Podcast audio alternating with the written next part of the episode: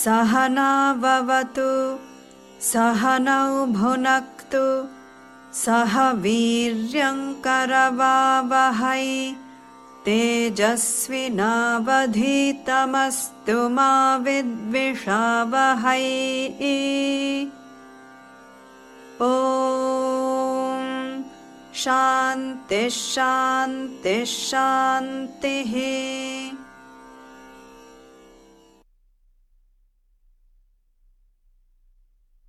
Dneska si vezmu rovnou slovo já.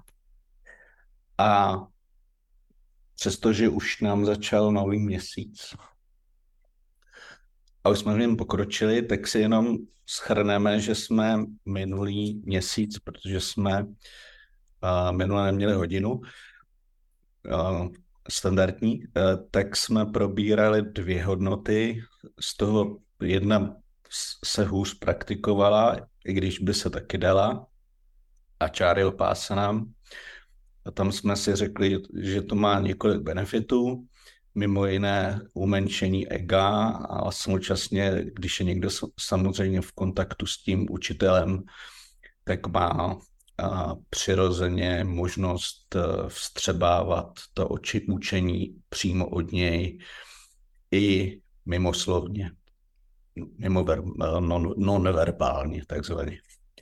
A potom jsme se bavili o té hodnotě, kterou jsme chtěli praktikovat v minulém měsíci, a to byla Styrian, neboli vytrvalost. A zejména vzhledem k Védantě je to důležitá vlastnost, protože, jak mnozí z nás máme možnost vidět, na začátku je velké nadšení a přihlásí se spousta lidí a jenom hrstka věrných pak vytrvá. Takže vytrvalost je velmi důležitá. A e, je to i z toho důvodu, že jak se říká, že Řím nebyl postaven za den, tak e, ten konečný cíl e, osvobození, které se rovná sebepoznání, můžeme ve, zkrát, ve zkrácené verzi říct, prostě trvá nějakou dobu. A, a často se říká, že to vyžaduje pět let šravany, deset let manany a patnáct let ididiasany, takže si to tak spočítejme, kdy zhruba budeme mít výsledek, ale to je průměr, takže my usilujeme o to být lepší než průměr, ale přesto, přesto, i kdyby to mělo být jenom těch pět let, jakože už je to víc, pomalu, když jsme začínali s tou skupinou, tak uh, to prostě vyžaduje uh, pravidelné studium, pravidelný kontakt s tím učením. Takže to byl hlavní benefit vytrvalosti vzhledem k vedantě a říkali jsme si tam některé možnosti. Zmiňovali jsme například i meditaci, ale i přínos ale i přínos těch našich pravidelných setkání, protože to nás samozřejmě navzájem motivuje a posiluje.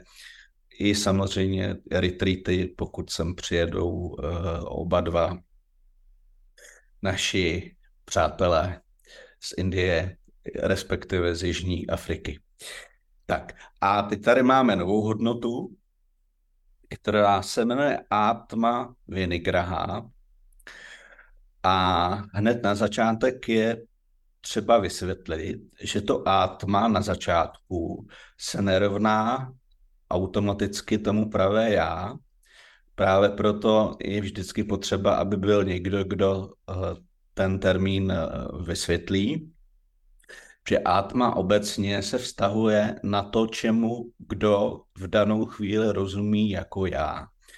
Takže v tomhle kontextu to atma se týká zejména mysli, ale mohli, bych jsme, mohli bychom to rozšířit i na tělo, intelekt samozřejmě a smysly.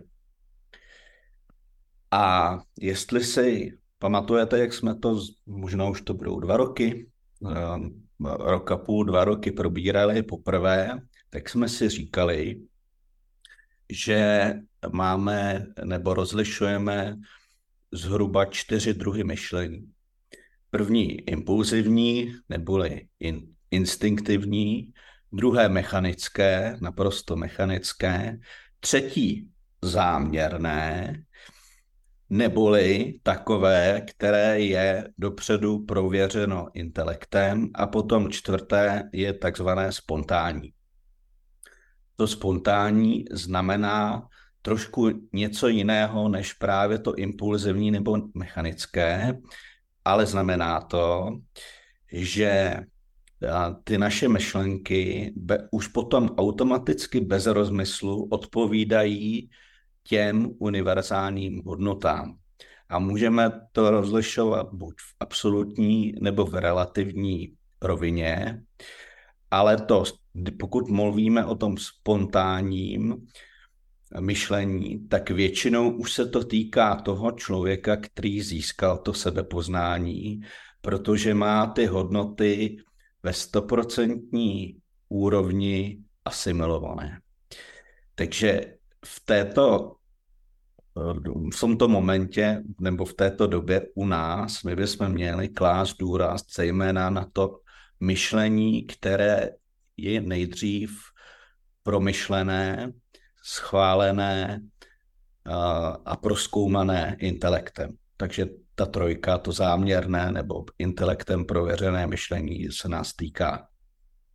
Pak jsme ještě v souvislosti s touhle hodnotou mluvili o třech termínech eh, sanskrtu, které už ale známe. První je šama, což je ovládání myšlenek na úrovni mysli, pak je dama, ovládání v angličtině většinou se říká smyslových orgánů, ale my smysly, smyslové orgány většinou rozumíme jenom ty orgány vnímání, ale týká se to i těch orgánů výkonných nebo orgánů jednání. A pak je něco, čemu říkáme sáma dhána, jestli se pamatujete, a to je, v podstatě to můžeme volně přeložit jako koncentrace, neboli umění soustavně, věnovat se soustavně danému úsilí po určitou dobu. Přičemž eh, jenom taková poznámka na okraj, samozřejmě tomu velice pomáhá, když to, co děláme, zároveň máme rádi a naplňuje nás to, tak proto to, ta koncentrace neboli ta sáma dána je potom mnohem snažší a přirozenější. Pak jsou tady ještě dva termíny, který bych, tady bych rád zmínil. První je ostražitost, neboli umění být neustále ve střehu a uvědomování si. Co to znamená? Znamená to, že bychom právě neměli podléhat tomu mechanickému a impulzivnímu uh, myšlení, ale měli bychom vždy se na chvilku zastavit, tím se myslí ta ostražitost a uvědomit si, uvědomit si, jak se v danou chvíli zachovat, neboli jak v danou chvíli myslet. A, a pokud tu ostražitost mám, neboli tu, tu, tu uh, jak jsem to nazval, ostražitost, nebo jedno, být ve střehu, být ve střehu možná ještě nějaký jiný synonymum, prostě být na, mít být na pozoru, zastavit se, prostě nejednat auto a, a, a, mechanicky. Tak uh, máme volbu, jak budeme myslet a máme volbu, jak budeme uh, jednat. A tím pádem, když se zastavíme a zamyslíme, tak máme vždycky možnost zachovat se právě podle těch univerzálních hodnot. Takže, takže v souvislosti s touto hodnotou átma vinigraha, neboli ovládání mysli, ale můžeme to rozšířit na, i na ovládání těla a smyslových orgánů, jsou důležité dva termíny. ostražitost, být ve střehu a myslet záměrně, neboli myslet tak, aby to nejdříve schválil intelekt. Takže intelekt a ostražitost můžeme si tady dát zkratku. Takže to je ode mě dneska všechno. Pokud k tomu někdo nemá teda nějaký dotaz nebo doplnění, protože je to celkem široké téma.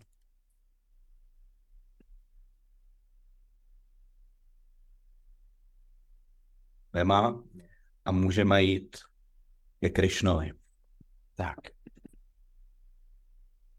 Dneska máme Petra online. Já ho rovnou pustím.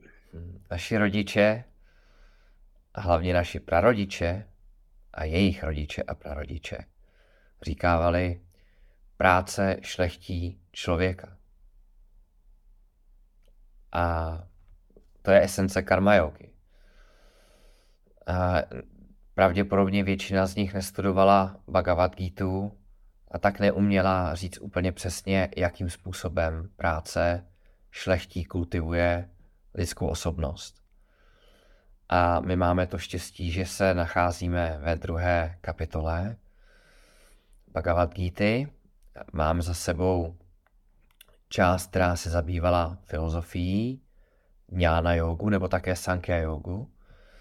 A teď eh, Kršna pomalu přistupuje ke zmíněné karma józe. A nejprve udělá to, že karma jogíny, to znamená ty, kteří praktikují karma jogu, pochválil, oslavil a potom ve dvou verších vysvětluje přínosy karma jogy a výhody karma jogy. A ve verši 40 nám řekl, že v, karmajóze není neúspěchu. A můžeme si položit otázku, proč v karmajóze není neúspěchu. Je tomu tak proto, že cílem karmajogína je vnitřní osobní růst, nikoli materiální výsledek nebo materiální prospěch. To znamená, že karma yogi má schopnost poučit se jak z úspěchu, tak z neúspěchu, tak z pochvaly, tak z kritiky. A protože cílem karma yogína je, aby se zlepšoval, aby kultivoval svoji osobnost, připravil se na, na jnana jogu, tak taková věc jako neúspěch se ho v zásadě netýká. A potom ve verši 41 Kršna zdůraznil, že takový člověk má jasnou představu o svém životním cíli a má i představu o svých bezprostředních nebo chcete-li krátkodobých cílech. A tuhle představu získal jednak kombinací zkušeností v životě a jednak také studiem písma, v našem případě studiem véd. Takže pokud mě pozorně posloucháte, tak registrujete, že to, že se někdo věnuje karmajóze, to, že je, řekněme, v první části své duchovní cesty, neznamená, že by neměl studovat písmo. A karma yogi má jasnost uh, o svém životním cíli v tom smyslu, že ví, že jeho jediným opravdovým životním cílem je vnitřní svoboda. Vnitřní svobodou mám na mysli úplnou emocionální, nebo taky můžeme říct psychickou nezávislost. A karma yogi tak, také ví, že je možné tuto svobodu získat, dosáhnout pouze nalezením, objevením, pochopením svého pravého já, své pravé podstaty. Je to, je to podobný jako malý, malý dítě, když se naučí uh, jezdit na kole bez koleček, malý kluk nebo malá holčička, tak už nebude chtít uh, dva, tři roky později, aby jsme mu tam uh, ty postranní kolečka znova namontovali kvůli větší stabilitě. Uh, objeví, nebo v tomhle případě objevilo svoji vlastní sílu, stabilitu, nezávislost a nechce se opírat o další malé kolečko vlevo a malé kolečko vpravo. A, a podobně i cílem karma yogína je, aby v sobě objevil, nalezl absolutní vnitřní nezávislost. A toto nalezení této nezávislosti, svobody se nazývá Atma Jnanam a karma yogi velmi dobře ví, že aby Jnanam získal, tak potřebuje mít dostatečně připravenou, jemnou, soustředivou, kultivovanou mysl. A tato kvalifikace mysli se nazývá ve vedách Jnana Yogyata. Už jste to určitě slyšeli, Jnana Yogyata. Takže karma yogi má jasno i o své cestě, nejenom o cíli, ale i o cestě a ví, že sekvence je uh, Jnana Yogyata, poté studium neboli Jnana Yoga, nakonec svoboda neboli mokša. A karma yogi také ví, že onu zmíněnou připravenost získá právě zbožným životem, životem v karmajoze. Takže pokud bych schrnul eh, jednou větou celou mapu cesty ke svobodě, tak by vypadala asi takhle. Karma yoga, výsledkem je jnana yogyata, jnana yoga, výsledek je jnánam, mokša, svoboda. A Kršna dává do kontrastu ostatní lidi, které nazývá uh, karmís a říká o nich, že bloudí, že jejich cesty jsou bez konce, že se všelijak větví, protože vždycky, když slyší nějakého mahátmu, přednášku na YouTube nebo, nebo jim kamarád doporučí nějakou knížku, tak zkouší nové a nové věci. Takže mají spoustu názorů na spiritualitu, mají taky mnoho představ, které jsou buď milné, anebo které jsou nekompletní, protože nejsou strukturované. A těchto těch odboček a cest je nekonečně. Protože pravda, a to je, mám takový pocit i e, problém současné e, diskuze společenské, pravda je jenom jedna. To znamená, pokud si položíme otázku, kolik je 2 plus 2, tak odpověď, správná odpověď je jenom jedna. Čtyři. Milných odpovědí je mnoho. Tři, sedm, minus pět a tak, a tak podobně. Takže nekonečný, eh, je nekonečně mnoho milných odpovědí, milných cest. Správná odpověď je jenom jedna. Tak tolik minulá hodina. A Radku, poprosím tě o další verš, přesně řečeno o spojení veršů 42, 43 a 44. Jo, já jsem jenom chtěl ještě doplnit eh, k Petrovi, že součástí té karma yogi, ne, že bych se přihříval polivčičku, ale je to, je to důležité, součástí té karma yogi je právě i asimilace těch hodnot. Takže bychom to mohli eh, přiřadit ke karmajoze, ale ne ve smyslu eh, fyzické práce, ale ve smyslu duševní práce. Takže karma yoga plus hodnoty nebo asimilace hodnot eh, rovná se příprava na jnana jogu. To bych ještě doplnil. यामिमां पुष्पितां वाचम् प्रवदन्त्यविपश्चितः। वेदवादरताः पार्थ नान्यदस्तीति वारिणः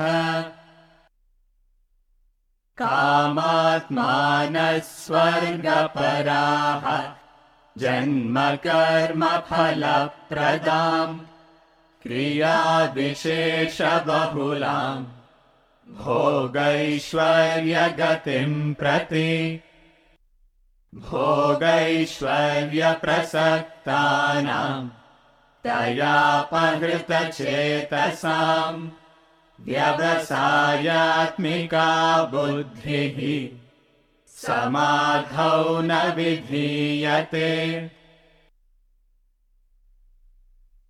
Teď necháme chviličku na prostudování. Tak já to přečtu. Petr to bude číst? No. Teď Petr to bude číst. A už to nebude vidět. Tak já to přečtu, aby, když to je vidět, a pak to Petr ještě zopakuje. O Arjuno, nemoudří, okouzlení výroky rituální části véd a usilující o nebe, trvající na tom, že nic jiného neexistuje a kteří jsou plně tužeb, pronášejí takové okouzlující, ale povrchní řeči, plné specifických obřadů k dosažení potěšení a moci, vedoucí k dalším zrozením a výsledkům činů.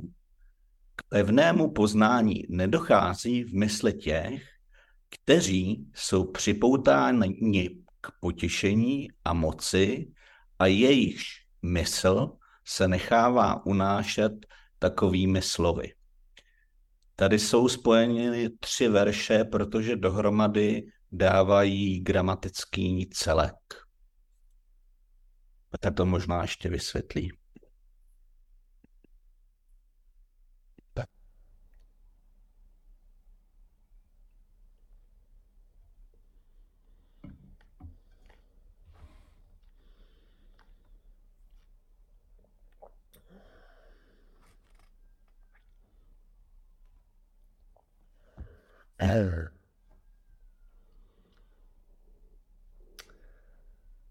Český překlad, zdůrazňuji Honzův překlad, o Arjuno. Nemoudří, okouzlení výroky rituální části véd a usilující o nebe, trvající na tom, že nic jiného neexistuje a kteří jsou plni tužeb, pronášejí takové okouzlující, ale povrchní řeči, plné specifických obřadů k dosažení potěšení a moci, vedoucí k dalším zrozením a výsledkům činů. K pevnému poznání nedochází v mysli těch, kteří jsou připoutáni k potěšení a moci a jejich mysl se nechává unášet takovými slovy. Eh, V sanskrtu je to v zásadě jedna věta. Myslím si, že pro nás eh, trochu dlouhá, takže, takže si ji v klidu rozebereme. V zásadě celá pointa těchto tří veršů je ta, že Kršna kritizuje tyhle ty popletené lidi, nazývá je karmis a dává je do kontrastu s karma jogíny, kteří přesně vědí, co chtějí. A později v kapitole 17 Kršna rozdělí veškeré lidské jednání na satvické, rajasické a tamasické na základě tří gun, satva, rajas a tamas. A možná si vzpomenete, že satvické jednání neboli satvika karma je takové jednání, které ku prospěchu co největšímu počtu lidí. A na, nazýváme ho někdy též unselfish, někdy také selfless, ale pro naší uh, současnou diskuzi stačí si zapamatovat nesobecké jednání. Oproti tomu jednání rajasické je jednání sebestředné, kdy člověk dělá to, co si myslí, že mu prospěje a celkem ho nezajímá, jestli ostatním prospívá nebo ubližuje. A konečně třetí, z hlediska uh, duchovního nejméně kvalitní jednání je tamasické jednání, které je nejen sobecké, ale takový člověk neváhá, aby pro uspokojení svých vlastních tužeb uh, ublížil druhým. To znamená, tamasické jednání zahrnuje ubližování druhým. Pro nás je podstatné pochopit, jak tyto tři kategorie nebo skupiny nebo druhy jednání a přispívají k našemu osobnímu spirituálnímu růstu. A asi, asi tušíte, nebo si pamatujete, že satvické jednání přispívá k našemu růstu, očišťuje naši osobnost a je to právě to jednání, které postupně přináší to, čemu říkáme ňána yogyata. Satvické jednání může a nemusí přinášet materiální prospěch. Materiální prospěch je sekundární, faktem je, že často ho přináší. A rajasické jednání je také jednání, které přispívá k našemu materiálnímu růstu, ať už se ho představíte jakkoliv, ale jeho přínos pro náš duchovní růst je nulový nebo minimální a tamasické jednání z pohledu duchovního člověka sráží dolů, škodí mu, takový člověk spirituálně degraduje.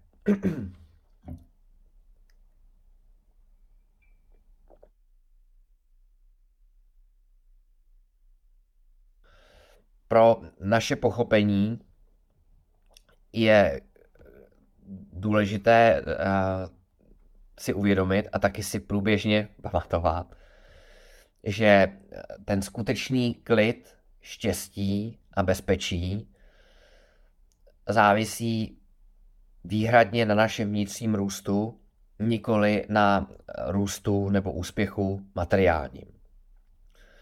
To znamená, pokud se podíváme na materiální prosperitu, tak ta dává možná dočasnou radost, zábavu, krátkodobý klid,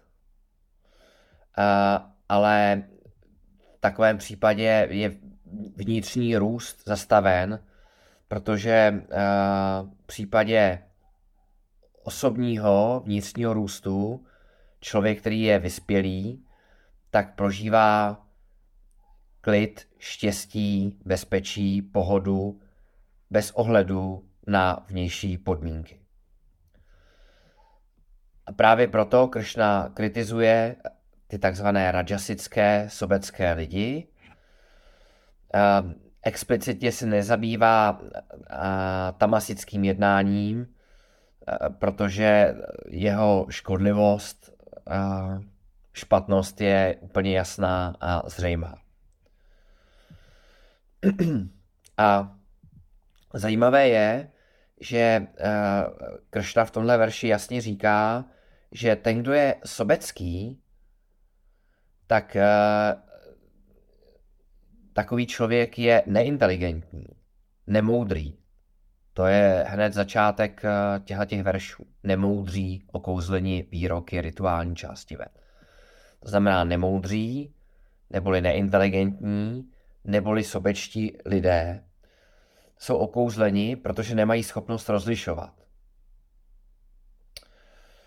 Uh, to znamená, že neinteligentní rovná se sobecký člověk si myslí, je přesvědčen o tom, že materiální vnější úspěch je ten pravý životní úspěch. A Bhagavad Gita naopak tvrdí, že eh, materiální úspěch neumí zajistit klid, bezpečí, štěstí. To znamená, že peníze nám můžou koupit postel, ale vůbec neumí zajistit klidný spánek. To myslím, že si každý z nás někdy vyzkoušel. Peníze umí zajistit eh, kvalitní a chutné jídlo, ale neumí poskytnout uh, uh, naši schopnost si jídlo opravdu vychutnat a mít předtím pořádný zdravý hlad. Uh, můžou nám koupit takzvané přátelé, takzvané přátelé, ale nikoli pravé přátelství nebo lásku. Můžeme si koupit knihovnu, možná v dnešní době rychlé připojení k internetu, informace, ale nikoli moudrost. A to proto, že platí důležité pravidlo, pevné pravidlo, které říká subtle controls the gross, neboli jemné kontroluje hrubé. To znamená, že peníze, protože jsou hrubé, neumí uh, zásadně ovlivnit ty jemné věci, které jsem, jemné kvality, které jsem zmiňoval. A v tomhletom spojeném verši Kršna také kritizuje lidi, kteří uh, horlivě následují ty takzvané rituální části véd, rituály. Uh, a říká, říká se jim karma kanda, ty jsou uvedeny v té první části véd. Připomínám, že my studujeme Véda Anta, to znamená poslední část véd. A cílem těchto rituálů uh, byl v některých kulturách a zemích ještě dneska je materiální prospěch. Uh, a tyhle rituály byly nebo jsou obsaženy ve védách proto, že védy nespochybňují to, že potřebujeme bydlení, potřebujeme jídlo, potřebujeme ošacení, potřebujeme peníze. To znamená, že véda není a priori proti materiálním úspěchům, jenom nám říká, že by bylo pošetilé, hloupé, bylo by to promrhání daru našeho života, kdybychom jim zasvětili celý svůj život. No a tito lidé se právě zabývají jenom tou první částí, nezabývají se emocionálním, intelektuálním nebo spirituálním růstem. A což bych možná mohl připomenout pro nás všechny, kdo teď společně studujeme Bhagavad Gita, že to, že studujeme Bhagavad Gita, není nic výjimečného. Je to uh, něco, co je nezbytné pro každou lidskou bytost. A e, to znamená, že tito lidé, takzvaný karmís, si myslí, že nejvyšším životním cílem je jíst, pít, radovat se. uh, eat, drink and be merry, jak se říká hezky, hezky anglicky. A Upanešády používají ještě silnější výraz pro tyhle lidi. Říkají jim pramudha. Mudha znamená hlupák a pramudha znamená co si jako výjimečný, excelentní hlupák. Uh, další slovo, které je tady uh, použito, je uh, slovo kámat manaha, což znamená, že tito lidé jsou stělesněním touhy. Káma je touha a manas nebo manaha je mysl. To znamená, že mysl těchto lidí je zcela ovládána touhami. Připomínám, už jsme si to řekli, že védy nejsou proti uh, radosti, potěšení a materiálním úspěchům, jenom, jenom nás varují, aby nedominovali na úkor duchovního růstu. A verš také říká, že tito lidé usilují o nebe. Nebe zase můžeme vnímat metaforicky. Takovým nebem pro řadu lidí, třeba v dnešní Indii, pro řadu mladých studentů, je dostat se na univerzitu do Ameriky a do Ameriky. A Amerika je pro řadu z nich takové nebe s hamburgrama, filmama, dobrýma univerzitama, vzděláním a navíc se tam člověk dostane, aniž by předtím musel umřít. A, takže tolik, tuším asi pět různých charakteristik materialisticky smýšlejících lidí. A, a pro tyto lidi je obtížné stát se karma jogíny. A co, co ještě dělají? Uh, především vždycky a všude propagují svoji materialistickou filozofii. filozofii. Uh, pronášejí takové okouzlující, ale povrchní řeči. Materialismus je okouzlující, A možná si vzpomenete, je to mája, iluze. A mája je vždycky atraktivnější než Brahman. Proč je atraktivnější? On na první pohled atraktivnější, protože Brahman nemá formu, nemá tvar. Když to Mája je velká čarodějka a může nás okouzlit tím, že vstupuje do všech našich pěti smyslů.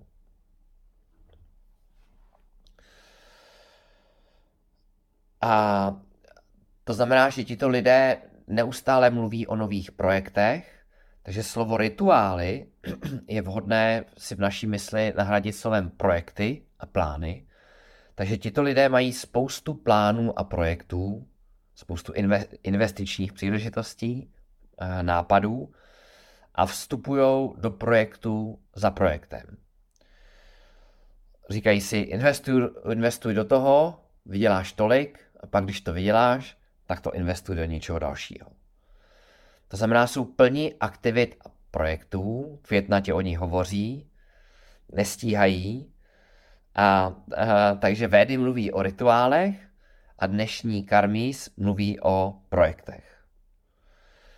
Výsledkem je, že uh, nestíhají, od rána do večera mají plné ruce práce a plnou hlavu tužeb, myšlenek a nápadů. A to znamená, že nemají takové myšlenky, jako studovat Vedantu, po případě Bhagavad Gita. To, co si neuvědomí, je, že jedna činnost vede k druhé. To znamená, že to tak zmíněné, někdy se to tak říká, kolo samsáry se roztáčí do čím dál tím větších otáček.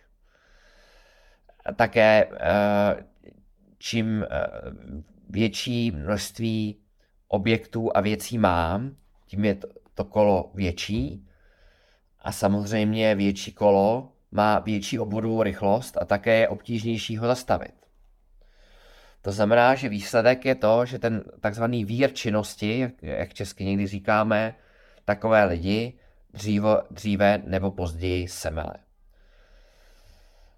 Semele je proto, že z něho neumí vystoupit a semele je proto, že je z něho stále obtížnější s každou další otočkou, je z něho stále obtížnější vystoupit.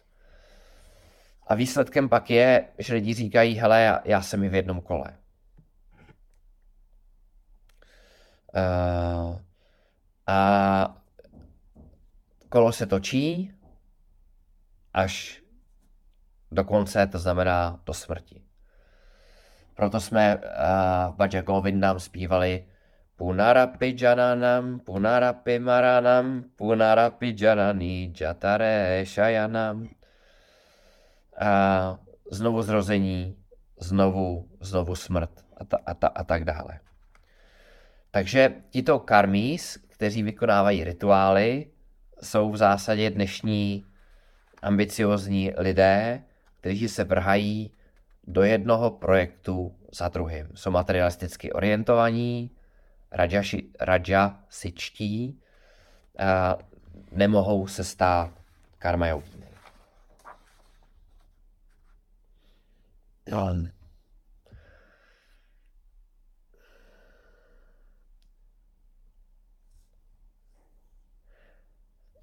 neuvědomují si, že uh, pro jejich nejen spirituální růst, ale i klid, pohodu a štěstí, relativní klid, pohodu a štěstí, by ve skutečnosti pomohlo snížit to, co s vámi Paramartanda uh, schrnuje ve zkratce port. Možná si pamatujete, co je to port. Port jako přístav anglicky a port znamená possessions, obligations, relationships a transactions. A je to zajímavé v tom, že když to pochopíte, tak uvidíte, že jedno plodí druhé. To znamená, čím více toho mám, a nemusí to být velké věci jako domy a lodě a letadla a auta, ale můžou to být i malé věci. jako eh, sportovní náčiní, oblečení, eh, věci v kuchyni a tak dále. Čili possessions, to, co vlastním, plodí obligations, neboli potřebu se o tyto věci starat.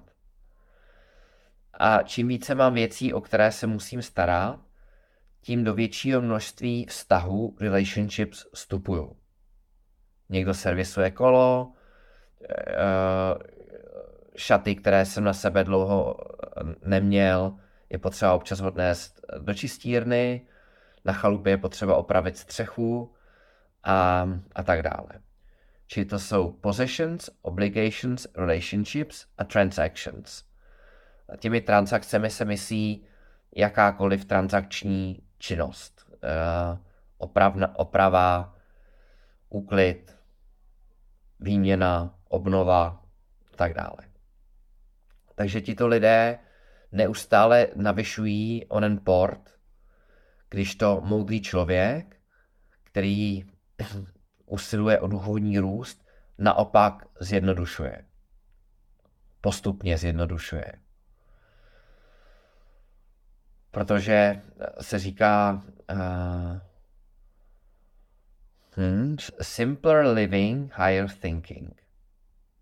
Čím jednodušší život vedu, tím mám lepší podmínky k tomu, abych přemýšlel o tom, co je opravdu podstatné. A védy nám neříkají, že se máme vyhnout aktivnímu životu a činnosti, jenom bychom měli vědět, kdy a jak z aktivního života postupně vystoupit a věnovat se dalším jemnějším cílům. Proto védy před, předpokládali čtyři ašramy, vzpomenete si, Brahmacharya nebo Brahmachari, Grhasta, Vanaprasta a Sanyasi. Teď nám nejde o to, že jako sanyasi by člověk měl, nebo že by každý člověk se měl stát v nějaké fázi sanyasím. Mimochodem, kdyby jsme měli jenom sanyasi, potulné mnichy, kteří by putovali od vesnice k městu a od města k vesnici a že brali by o jídlo, tak kdyby všichni putovali, tak by nebyl nikdo, kdo by jim to jídlo dal a u koho by mohli přespat.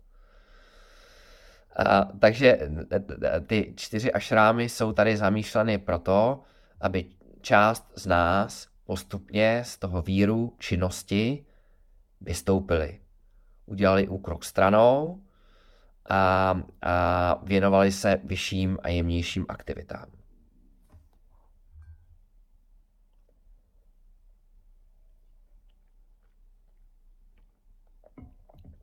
Takže jsme mluvili o, o port, o samsáře, o projektech ve verši uh, uh, skrytých pod názvem rituály.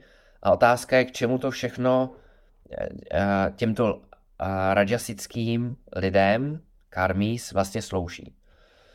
No a slouží to samozřejmě ke dvěma materiálním cílům, které znáte, Jednak eh, první je boga, neboli potěšení, a druhým je arta, neboli peníze, majetek, to, co nás má ochránit před nejistotou. A výsledkem je, že tito lidé čím déle se těmto dvěma cílům věnují, aniž by věděli, že je něco vyššího a jemnějšího, tak eh, se k ním postupně připoutají do té míry, že se stane, nebo dostanou se do situace, že Arta a Káma už nejde dosáhnout legitimním způsobem. Proč to tak je?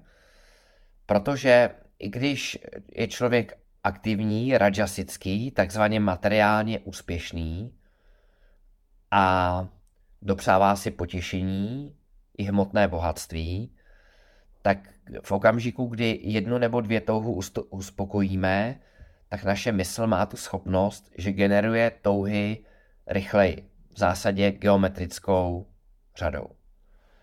To znamená, čím víc toho takový člověk má, nebo čím více si toho dopřeje, tak eh, tím rychleji množství tužeb stoupá. A pro takového člověka schopnost tyhle ty tužby naplnit je omezená, nízká a dostane se do bodu, kdy už ty legitimní způsoby nefungují. A potom samozřejmě sáhne k nelegitimním, buď nemorálním nebo přímo nezákonným způsobům, jak dosáhnout toho, co chce. A argumentace je vždycky eh, stejná nebo podobná, takže když uh, taxikář předražuje, tak řekne, no jo, oni všichni předražují. A Véda tady eh, říká takové zajímavé slovní spojení, které platí i dneska. Proto sanátana dharma, věčné, věčné pravdy, říká Jata Rája, Tata Prája. Jaký král, takový lidé. No a v demokracii, nebo v uspořádání jakž takž demokratickém, to platí naopak. Jata Prája, Tata Rája. To znamená, jací jsme my lidé, tak takové vládce, nikoli lepší, si zasloužíme. Jinými slovy, máme vládu, až budete mít pocit, že byste si chtěli zlobit eh, nebo rozčilovat, máme takovou vládu, jakou si zasloužíme.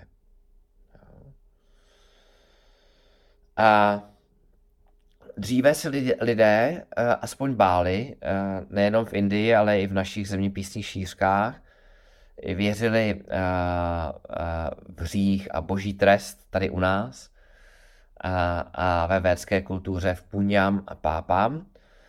A to mělo uh, tu výhodu, že se samozřejmě báli uh, podvádět, krást a dělat všechny tyhle špatné věci. Ale dnes, dnes si lidé řeknou, pro Puňam Pápám není žádný vědecký důkaz. Uh, řeknou, hele, podívejte se tamhle na toho boháče nebo politika podvádí a krade a stejně si dělá, co chce.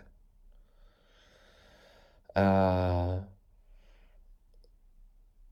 takže pokud bych ještě jednou měl schrnout uh, tyhle ty tři verše, 42 a 44, tak bych řekl, že těmto lidem, karmís, kteří jsou sobečtí, chybí jasné priority, a nevědí nebo ani netuší, jaký je skutečný životní cíl. A, a cílem tohoto verše je ne bezhlavě skritizovat uh, tyhle materialistické lidi, ale ukázat, kam to vede a jak obtížné je pro takové lidi se stát karma jogíny. Což nás logicky přivádí k otázce, kdo se vlastně může stát karma jogínem. Na to nám začne odpovídat verš 45.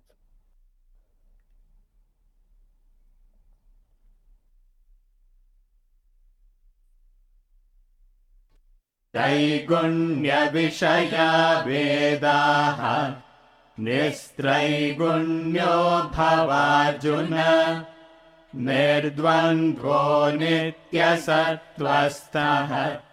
निर्योगक्षेम आत्मवान्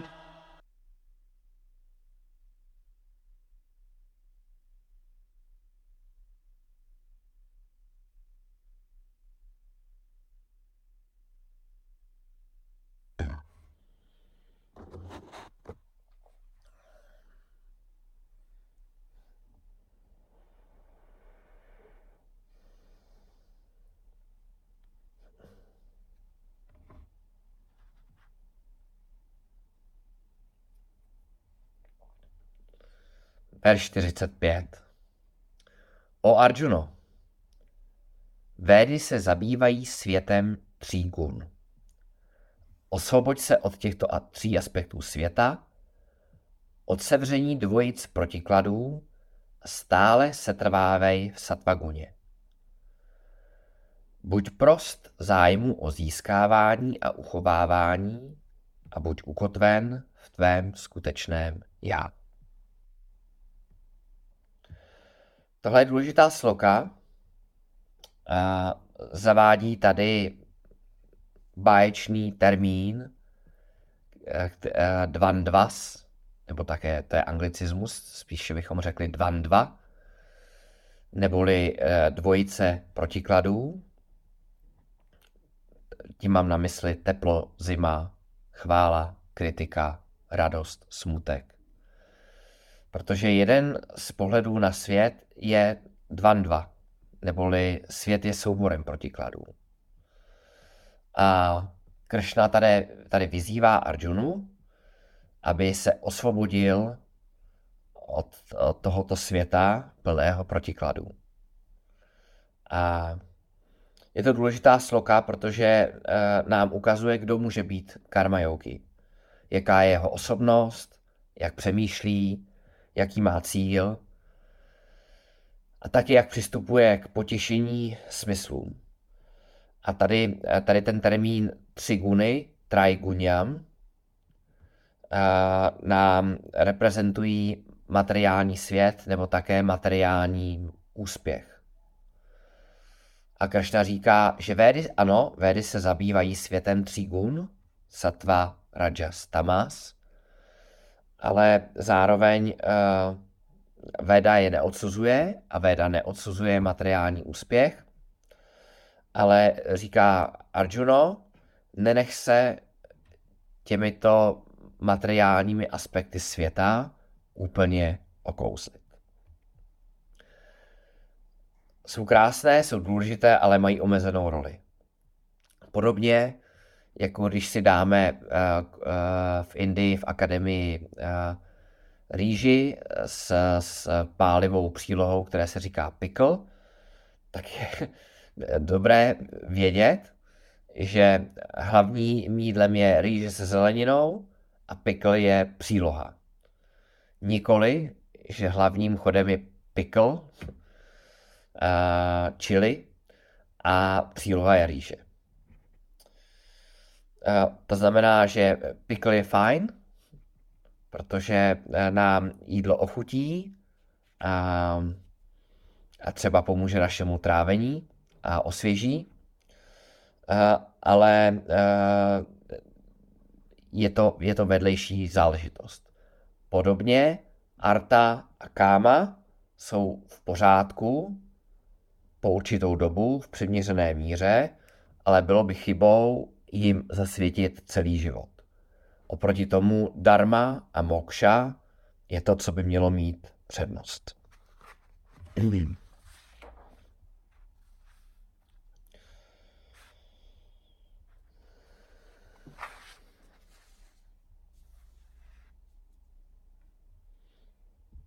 Když, když se podíváme na děti, tak protože máme obvykle vyšší intelekt, než má většina dětí, tak spatřujeme jistou omezenost v tom, kam směřují svoji energii, ale zároveň se na ně díváme uh, s láskou, s pochopením a laskavě.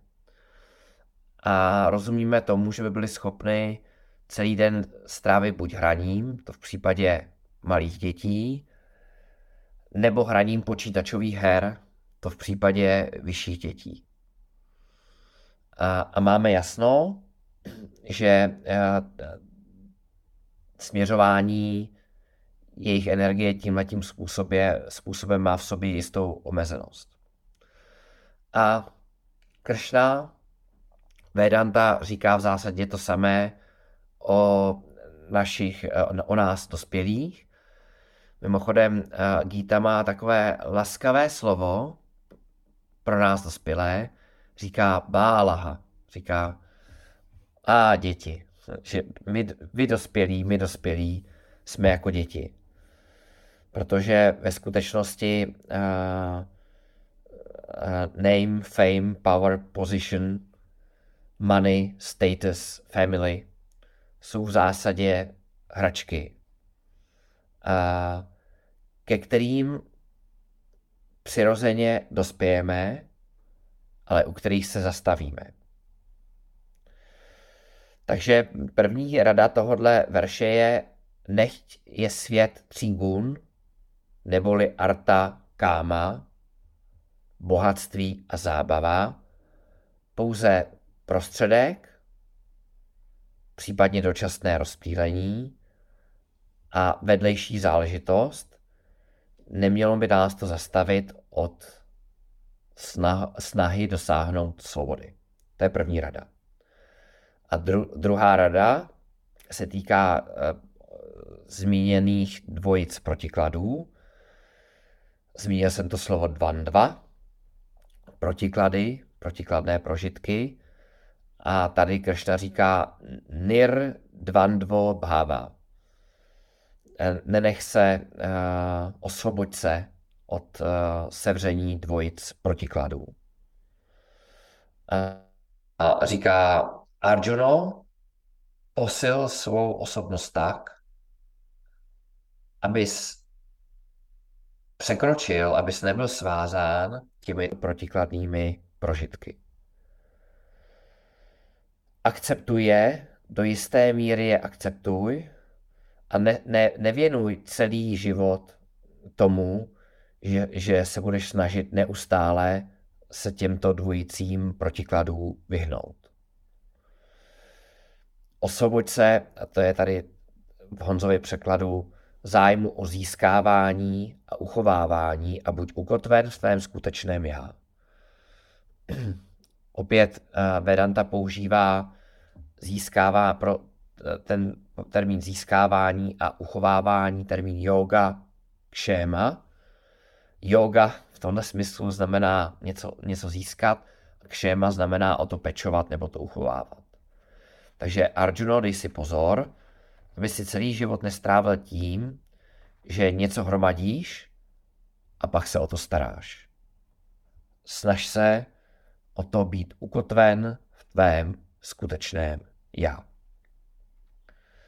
Takže k tomuhle verši, ještě jednou ho přečtu, se příště vrátíme. Tak ještě jednou verš 45. O Arjuno, Védy se zabývají světem tří gun. To znamená, Védy se zabývají materiálním světem. Osvoboď se od těchto tří aspektů světa, od tří gun, od sevření dvojic protikladů a stále se trvávěj satva guně. Buď prost zájmu o získávání a uchovávání, yoga kšema, a buď ukotven v tvém skutečném já. Zůstaňte ukotveni v pravdě, ve skutečném já, do doby, než se uvidíme příště. Sure.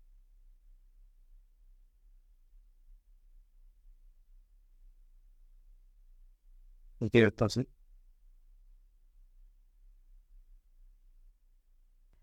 ॐ पूर्णमदः पूर्णमिदं पूर्णात् पूर्णमुदच्यते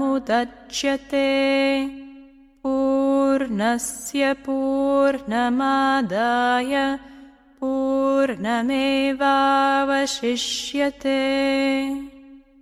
Om Shanti Shanti Shanti